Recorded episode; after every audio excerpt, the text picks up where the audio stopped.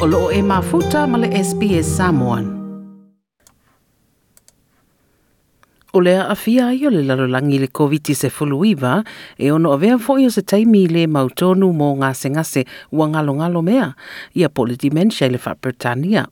Ne ua whaafua se i ono lātou le toi wa aiso o yo lātou a inga e peona masani ai, a to ai ma le tele o lo tau mawhai e malama lama, pe ai se a ua mafu ai.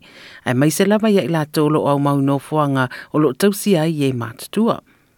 Ina ia fesoasoani le au tau soifua e wha malama se ngangana e ese mai mai le ingilisi. I o lātou lava fale ia ma le toi tasi mai le limo o tangata inofuanga mo tangata mātutua.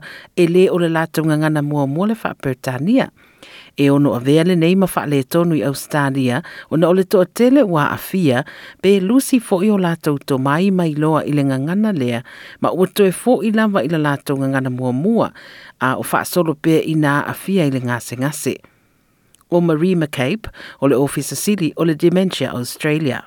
That is very common where people actually revert to their language of birth and it can be very, very difficult for people and an incredibly isolating experience to not be able to communicate. Whamaia ia, o le e sea ona o le COVID se fuluiva, ua whaatope tope ai maa fianga o le ngase ngase lea monisi. We're finding from the research that people's dementia is progressing more rapidly. And what that means is that they are losing abilities to do things more quickly. And their abilities that most people living with dementia will not be able to restore. E matua i mana o mia le whai au le mask po le tali fōlinga o na o mafua anga wha le soifua malo noina ai ua wha o popo atua i fo i lea i le le malama lama o ngase ngase. Now, people living with dementia, as their communication becomes compromised, they rely on those visual cues such as facial expressions. And when people have got masks on, they can't do that. So it can be very distressing and disorienting and very confusing for people living with dementia at a time like this. O le mafu angale wa whaalawi loa i le whaalapaputonga ni pepa o whaamatalanga inga ngana e toru sifun. o nei whaamtalanga e au fiai manisi o whaamanatu. Pe whaapefeo na whaawau peo na tū mau ma au waile ngase ngase i polkala me whai a o iai i le lockdown.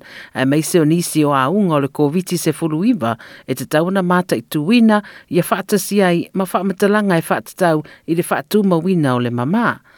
O Joe Copy na te tau siasio na whaletua o Choice lea sa fie le dementia i le fitu tau taluai. She's getting a little bit more forgetful now, although she still does pretty well everything. Uh, she had dishwasher on this morning. She does the um, ironing, uh, washing, goes shopping. O Joe e tau tala i lenga ngana Italia, na malanga mai malona ainga i Australia nei le vai tau le tau na lua o le lalolangi, na ia tā ua o pepa o whamatalanga sao lātou maua, na māua ai ia le malamala maanga lea o mea o lo tutupu, mā sā tutupu i lea vai tau. Especially if it's in in their language, apart from being, you know, read to them, they they can pick that up and perhaps you know over the little. It depends on what stage they are with dementia, whether they can actually go through and read it themselves quietly uh, or not. But yes, absolutely, it gives them that sort of confidence. O Joe ma Joyce Copy e whaamautui me le pone, mai na o le porkalame o le Zoom, le olo o whaonga ina e tala noa ne ai i o la ainga.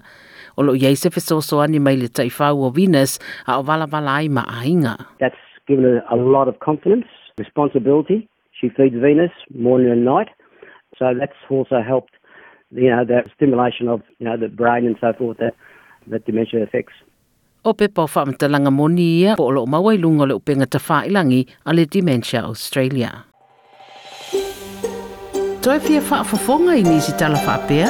Whaafafonga i le Apple Podcast, le Google Podcast, Spotify, ma po o whea lawa e podcast.